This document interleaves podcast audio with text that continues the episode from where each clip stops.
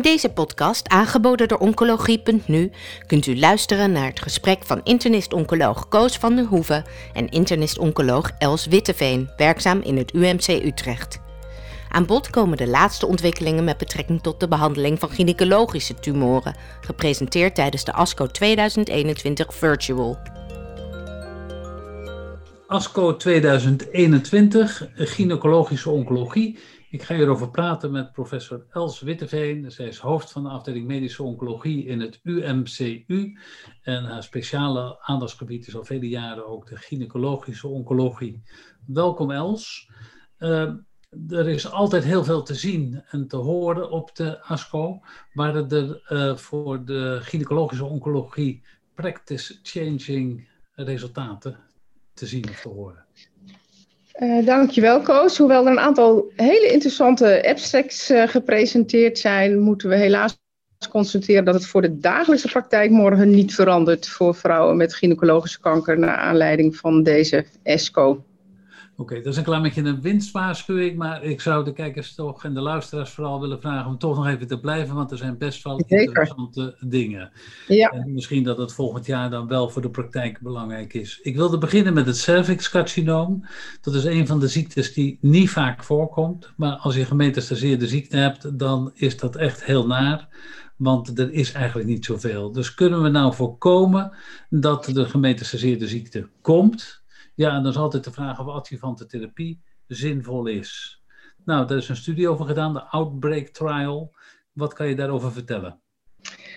Het klinkt, niet, het klinkt als Outbreak, maar het is de Outback Trial eh, onder leiding van de Australische groep. Uh, ja, we weten uh, sinds eind jaren 90 dat bij het lokaal gevorderd cervixcarcinoom de combinatie van chemotherapie met radiotherapie de beste optie is. Maar we weten ook dat er een groep is bij, die, bij wie de ziekte terugkomt. En dan bijna altijd is er sprake van afstandsmetastase. Uh, dus ja, er wordt gekeken hoe verbeteren we die behandeling. En de Australische groep heeft een gerandomiseerde fase 3 gestaan, waarbij in deze setting de ene helft van de vrouwen nog uh, vier kuren carboplatin paclitaxol kregen en de andere niet werden nabehandeld. Uh, wij hebben als Nederland niet meegedaan aan deze studie, omdat uh, wij eigenlijk toen die studie eh, ontstond, eigenlijk al hoogwaardige radiotherapie bedreven, om het zo maar te zeggen, met IMRT en MRI-gestuurde brachytherapie. En dat was in eerste instantie uh, was, dat, uh, was daar een no-go uh, dat je dan aan deze studie kon meedoen. deze studie heeft inmiddels 900 patiënten geïncludeerd. Dat zijn er meer dan oorspronkelijk gepland, omdat er te laag aantal events was. En er is nu een eerste analyse gepresenteerd bij een follow-up van 60 maanden. Uh, en het betreft dus een studie bij alle patiënten met een uh, uh, lokaal gevorderd ovariumcarcinoom vanaf stadium 1b. Waarbij ik er wel bij moet zeggen, dat is de FIGO-sondering uit 2008. Inmiddels hebben we een nieuwe FIGO-sondering. En dan zou dit denk ik de DRIES bedoeld worden, want het betrof vanaf stadium 1b met aanwezigheid van positieve klieren. Ja. Ja, en de studie liet helaas geen verschil nog in progressievrije overleving, nog in overall uh, survival uh, zien. Uh, zoals verwacht, met name in het eerste jaar wat meer toxiciteit, later ook nog wat meer neuropathie in de groep die carbopacli kreeg, maar verder waren er eigenlijk geen grote verschillen. Ehm, in beide groepen werden volbrachten de patiënten eigenlijk grotendeels zowel de chemoradiotherapie als ook de chemotherapie. Daar kon het niet aan liggen. Wel opvallend dat maar uh, in de groep die gerandomiseerd was voor chemotherapie, die randomisatie vond overigens plaats voor chemoradiatie. Uh, dat daar toch 22% niet aan de chemotherapie uh, überhaupt gestart is. En het is een intention to treat analyse. Maar goed, het is een robuuste studie met bijna duizend patiënten, langdurig voortgezet. En er is helaas geen verschil. Dus er moet iets anders komen. En ik denk dat we voorlopig maar moeten hopen dat er gewoon minder cervixcarcinoom komt. Want in de therapie van de gemetastaseerde setting valt het tot nu toe tegen. Nou, dat is precies, hè, want in de gemetastaseerde setting, daar is die carbopacli op gebaseerd. En eigenlijk, daar doen maar één op de drie vrouwen doen het daarop. Dus je hebt eigenlijk geen goede behandeling voor je adjuvanten. En ik denk een ander belangrijk kenmerk, er zaten Um, ja, wij weten steeds meer dat de prognose ontzettend bepaald wordt door de klieren. En dat of je klieren hoog in de buik of alleen maar in het bekken hebt, dat is een belangrijk verschil. Dus het zou helaas wel zo kunnen zijn dat we niet de juiste groep geselecteerd hebben voor de adjuvante uh, behandeling. Oké. Goed, maar voorlopig kunnen we daar in de dagelijkse praktijk dus niet mee verder. Dan wilde ik met je gaan naar het ovariumcarcinoom. En zoals bij alle tumoren uh, wordt immunotherapie in allerlei settings uh, geprobeerd. En het ovariumcarcinoom liep er misschien wel een klein beetje mee achter. Misschien ook wel omdat de resultaten wat tegenvielen. Maar er was nu een studie waarbij pembrolizumab toegevoegd werd aan de neo-adjuvante en adjuvante chemotherapie bij het hooggradig sereuze carcinoom. Kan je iets vertellen over deze studie, wat de uitslagen waren? Uh, ja, in deze studie werden dus twee op één gerandomiseerd naar carbopacli met of zonder uh, pembrolizumab. En dan na de intervaldebeuking kregen overigens de patiënten konden ook nog kiezen voor aanvullend uh, bevacizumab. Het was een Franse studie en daar geven ze nog bevacizumab bij de, in de primaire setting. Ja, het idee achter deze studie is als je de immunotherapie combineert met uh, de chemotherapie, uh, dat je meer antigeenpresentatie heeft en meer kans hebt op tumorinfiltrerende lymfocyten die vrijkomen. Uh, Uh, het primaire eindpunt was complete resectiepercentage bij intervaldebulking. Uh, en dat werd in deze studie, dat primaire eindpunt, uh, werd uh, gehaald met 74% Maar opvallend was dat in de controlegroep het 70% complete resectiepercentage bereikt werd. Dat is ook goed. Ja. En dat was dus ook goed en dat was dus hoger dan verwacht. Ja. Uh, maar dat zeg ik, het primaire eindpunt was puur op de complete resectierate uh, in de uh, Pembro-arm gesteld. En in die zin is het eindpunt dus behaald. Ehm, in de Pembro-arm met een iets hoger responspercentage gezien, maar een gelijke PFS was er in beide groepen. En de OS-data die zijn nog immatuur ja, ook hier gold dat op zich de behandeling goed verdragen werd. De compliance was goed. In de Pembro-arm werden wat schildklierproblematiek gezien, zoals we dat kennen bij uh, immuuntherapie. Uh, maar het vertaalde zich dus uh, niet echt in een heel veel hogere complete resectie. Uh, en zeker ook niet in uh, een verhoogde uh, progressievrije overleving. Hoewel de auteurs of de, degene die het presenteerden, ja, die suggereerden heel erg dat dat wel voldoende uitgezocht was. Als je maar hogere hè, complete resectie-rates haalt bij het ovariumcarcinoom, dan vertaalt zich dat ook wel in een langere overleving. Ik denk niet dat je dat zo kunt stellen, dat we dat nog netjes moeten gaan laten zien. Dat, dat, zich ook, dat die vertaling er ook gaat komen. Ja, dus... ja, er is zoveelste studie toch, uh, je, je zei het net ook zelf al in je inleiding, de immunotherapie is vooralsnog uh, uitermate teleurstellend bij het ovariumcarcinoom. Nou, dan, dan laten we dit even zitten. Dan bevacizumab, dat heeft natuurlijk wel een plek gekregen. Uh, die plek die verandert een klein beetje van het land waar je in woont. Maar er is ook discussie over hoe lang je het nu moet geven. Ja, in, in, alle studies is er uh, 15 maanden uh, gegeven. Als je gaat in een, ja, weer in een analyse waar, waarbij je ziet dat de maximum van de progressievrije overleving misschien wel bij die 15 maanden zit. Dus is de gedachte gevormd, zou je geen 30 maanden moeten geven. En daar heeft uh, Viesteren, uh, die presenteren de uitkomst van de ENGOT OV15-studie, waarin er dus gekeken is naar 15 versus 30 maanden onderhoudsbehandeling uh, bevacizumab. En die studie liet geen verschil zien, nog in PFS, no, nog in OS. ja, dus, dus dat benadrukt. De reden om 30 maanden dat we door kunnen gaan met de, de kortere duur. We hoeven dat niet Juist. te doen. Ja. Overigens, hè, dit betrof een studie bij de primaire ziekte, wat we in Nederland eigenlijk geen bevacizumab uh, kennen. Ja, ik snap het. Uh, ik wilde iets anders. Er was de Vital-studie, of de Vitaal-studie.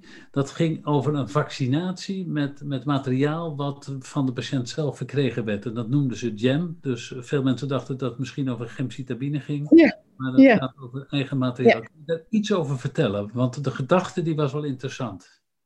De gedachte was uh, uh, zeker interessant. en ik denk ook dat je juist in die richting moet gaan kijken, waar de klassieke immunotherapie eigenlijk niet zijn winst laat zien.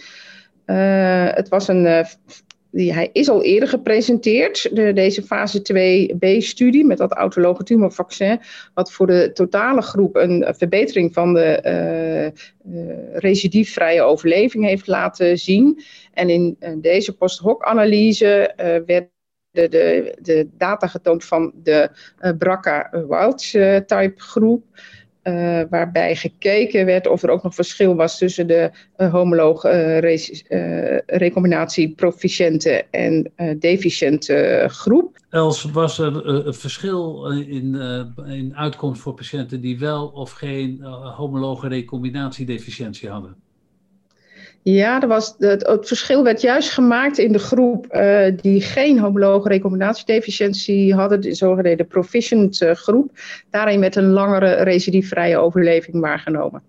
Ja, nou uh, was het eigenlijk toch ook weer een klein beetje, nou ja, niet een, een, studie waarvan je zegt van daar gaan we wonderen van verwachten. heb je er toch, gaat, gaat het onderzoek hierin door? Ik denk het wel. Zij het niet met dit vaccin en er zijn meerdere vaccins op dit ogenblik in de gang.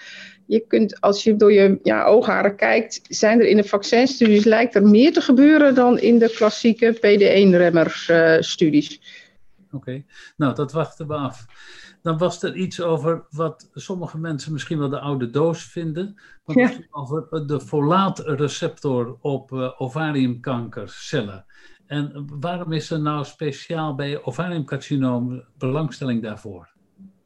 Nou, omdat we weten dat op zich het ovariumcarcinoom een vrij hoge expressie vertoont van die uh, folaatreceptor uh, uh, alpha. En uh, ja, er werden twee abstracts getoond. De een waarbij die als, in feite de folaatreceptor als biomarker werd gebruikt. En de ander inderdaad uh, om uh, in combinatie met bevacizumab. Wat betreft de biomarker betrof het een uh, medicament, ik moet even, de pavalacianine, werd intraoperatief ingesproken. En uh, dat hechtte zich aan de folaatreceptor en zou dan betere zichtbaarheid geven voor de, voor de operateur. Uh, ja, ze lieten zien in die studie dat er 30% meer lesies verwijderd werden, dankzij dat ze zichtbaarder werden met die, dat zojuist genoemde medicament.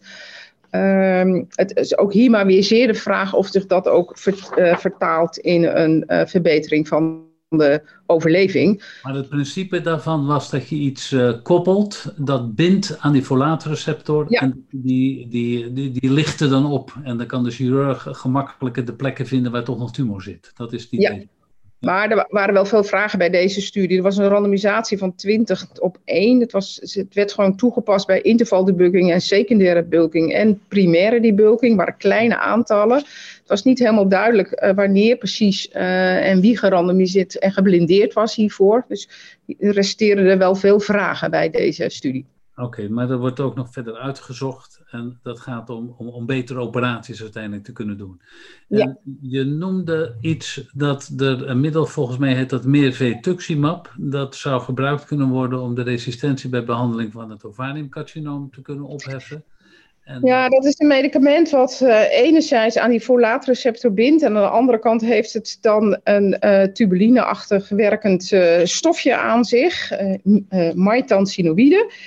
Uh, wat in een eerdere studie bij uh, het uh, resistent ovariumcarcinoom een overall responsrate van 47% heeft laten zien. als je bevacizumab toevoegt. en dit was bij de groep van de hoge folaatexpressie. En de studie die nu gepresenteerd was, was eigenlijk om te kijken in een veel bredere groep van recidief ovariumcarcinoom. Zowel platinum-resistent als platinumgevoelig, zowel hoge als lage uh, uh, folaatreceptor uh, alpha-expressie.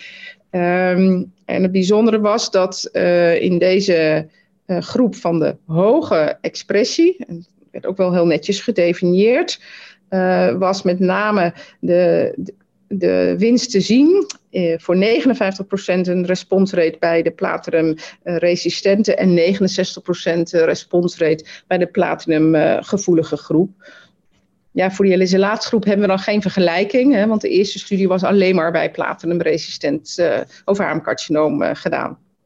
Ja, van deze studie is het interessant wat het betekent voor de in Nederland lopende Mirasol-studie, waarbij dit medicament, dit MIRF, uh, gerandomiseerd wordt tegen uh, nou ja, de best practice keuze van de eigen behandelaar bij het uh, ovarium, platinumresistent ovariumcarcinoom. Dus het is een middel waarvan in meerdere studies getoond is dat het werkzaamheid heeft. Ja. Hoe we het in zullen moeten zetten, dat hangt af van de studies die op dit moment nog lopen. Klopt. En nogmaals, het lijkt dat juist dat je de combinatie met bevacizumab wel inderdaad een verbetering geeft. Gaan we praten over iets anders wat we tegenwoordig, eh, wat een plaats gekregen, de parapremmers, die hebben eigenlijk een plaats gekregen bij de behandeling van het ovariumcarcinoom. Maar ook daarin zie je dat er op een gegeven moment resistentie ontwikkelt. En er is een studie gepresenteerd die keek of je die PARP-resistentie weer kon doorbreken met een middel dat heet ADO-Vozer-tip. Kan je daar nog een tipje van die sluier oplichten? Uh, ja, dat is uh, ADO-Vozer is een uh, ADA-Vozer-tip, is een zogeheten WE1-remmer. Uh, dat is een, uh, een, medicament dat de G2-mitose uh, checkpoint reguleert. En waarvan we denken, omdat bij eierstokkanker juist heel vaak ook door P53-mutaties of verlies er ook een probleem is bij de G1-checkpoint, dat dat verbetering zal geven. Deze zien we inderdaad ook nu al wel. En in deze studie werd het inderdaad gecombineerd met, een, met de parpremmer olaparib. En dat werd gegeven bij een groep aan patiënten die progressief waren terwijl ze op uh, PARP-remming uh, stonden. Um, waarbij 80 patiënten gerandomiseerd werden, dus tussen de, beide, tussen de combinatie of alleen de W1-remmer. Uh, in de totale groep uh, werd effectiviteit gezien en ze hebben nog een aanvullende analyse gedaan, waarbij opvallend genoeg de BRCA wildtype uh, groep mogelijk het meeste toegevoegde waarde had van de toevoeging van olaparib. Maar ook voor deze studie ja, resteren nog veel vragen en volgen ook nog de translationele onderzoek wat er hieraan gekoppeld is. Dus wel veel vragen, maar ook wel enige hoop dat er daar. Ja, dit waren wel veelbelovende data, klopt. Ja. Dan uh, wilde ik met je overstappen naar het endometriumcarcinoom. En uh, een van de vragen die bij veel tumoren wel aan de orde komt, als je nou een primaire behandeling hebt gehad voor een endometriumcarcinoom, moet je dan iedere maand ter controle komen, of is één keer per jaar, of alleen bij klachten ook voldoende. Nou, dat is een uh, veelbelovende studie gedaan, de TOTEM-studie. Wat kan je daarvan vertellen? Dat was een studie uh, waarbij vergeleken werd of minimale versus uh, intensieve follow-up bij eigenlijk alle stadia endometriumcarcinoom. Uh, dus ook in de high-risk groep. er werden eigenlijk geen grote verschillen gezien voor wat betreft PFS of OS tussen de minimale en de intensieve follow-up. En de studie kan dan ook eigenlijk gezien worden als een validatie voor zowel de SDO als de ESCO-richtlijn, uh, waarin dit ook eigenlijk beschreven wordt. Maar ook hier kun je zeggen, uh, is er wel iets op te merken. Er was toch een relatief korte follow-up. En het zou best wel eens kunnen zijn, als je alleen de hoog risico had genomen, dat je misschien wel een verschil uh, had gevonden. Oké, okay, maar voor de laag risicopatiënten is een intensieve controle eigenlijk niet zinvol. Ik bedoel, dat nee. heeft geen en dat doen we ook niet in Nederland. Dan uh, nog iets over het endometriumcarcinoom. Er wordt eigenlijk steeds meer bekend dat, dat die endometriumcarcinomen dat het heel verschillende type tumoren kunnen zijn. Moleculaire, moleculaire stratificaties doen, daar was ook aandacht voor. Waarbij gezegd is, het is een poolgroep, er is een groep met microsatellietinstabiliteit, er zijn, er is een groep met kopienummer low en kopienummer high. Zijn dat indelingen waar we in Nederland ook al gebruik van maken? Uh, ja, daar maken we al wel gebruik van. Of dat wil zeggen, of vooral gebruik van maken. Uh, het behoort wel op dit ogenblik tot de standaard uh, dat je deze indeling maakt. Ja. En we zijn studies aan het opstarten waar er op geleide van deze indeling ook inderdaad consequenties worden getrokken. Ja, maar je zegt het is de bedoeling. Betekent dat de praktijk nog anders is? Op dit ogenblik wordt er nog niet naar de praktijk gehandeld. Oké. Ik vraag het een klein beetje. Er was, uh, dit werd benoemd in het kader van een studie waarbij een aromatase-remmer met een mTOR-remmer uh, uh, werd ingezet. Ja. Is dat zinvol bij een gemetastaseerd uh, ovarium gemetastaseerd endometrium carcinoom? Uh, nou, de, uh, de, het eindpunt van deze studie, waar inderdaad uh, aan een mTOR-remming anastrozol werd toegevoegd, was een uh, kleine fase 1-2-studie die na een run-in periode 73 patiënten ger gerandomiseerd heeft, deels al voorbehandeld met chemotherapie. Ehm, het primaire eindpunt was de progressievrije respons op acht weken, die 67% uh, betrof. Lastig te interpreteren, maar opvallend met een uh, lange uh, duur van de respons in de combinatiegroep. dit hebben we al eerder gezien in de DUG 3007, waar everolimus met letrozol een hogere PFS en OS liet zien. Um, ja, wat jammer is, eh, dat het wat ingewikkeld is. En daarvoor moeten we precies die vier groepen gaan definiëren. Want we eigenlijk geen goede biomarker hebben voor de mTOR. Zoals we dat eigenlijk ook niet hebben voor antihormonale therapie. Uh, dit middel zelf zal overigens niet verder ontwikkeld worden. Want het, uh, de ontwikkeling daarvan is gestopt. Maar we hebben natuurlijk wel goede alternatieve mTOR-remmers. Maar je denkt dat we in de toekomst misschien studies kunnen doen waarbij je stratificeert voor patiënten die dan die, uh, die een everolimus met een aromatase zouden kunnen krijgen. Maar dat is, toekomstmuziek. Uh, toekomstmuziek, misschien ook huidige muziek. Dat is de inzet van HER2-remmers. Eigenlijk van de groot aantal tumoren werd dat bekeken. HER2-overexpressie komt niet alleen bij het mammacarcinoom voor, maar ook bij andere tumoren. Hoe zit dat bij het endometriumcarcinoom? Bij het endometriumcarcinoom is die overexpressie vooral aanwezig bij het uh, serieuze type en het carcinosarcoom, terwijl het meest voorkomende graad 3 endometrioïde uh, nou, volgens mij in de buurt van 10% uh, uh, te zien is. Ja, en deze studie, dat was een cohort binnen de zogeheten TAPUR-studie. En die is heel erg vergelijkbaar wat wij in Nederland kennen met de DRUP-studie. Waarbij je dus cohorten hebt dat je op basis van een, um, van een aangrijpingspunt uh, een cohort behandelt uh, met een bekend medicament. En als er geen respons is, stopt het cohort. Als er wel respons is, uh, gaat dat door. En in dit geval was er dan dus, de, als er een uh, HER2-amplificatie of overexpressie was bij het endometriumcarcinoom, onafhankelijk van de histologie, dat uh, patiënten behandeld werden met de combinatie van pertuzumab en trastuzumab.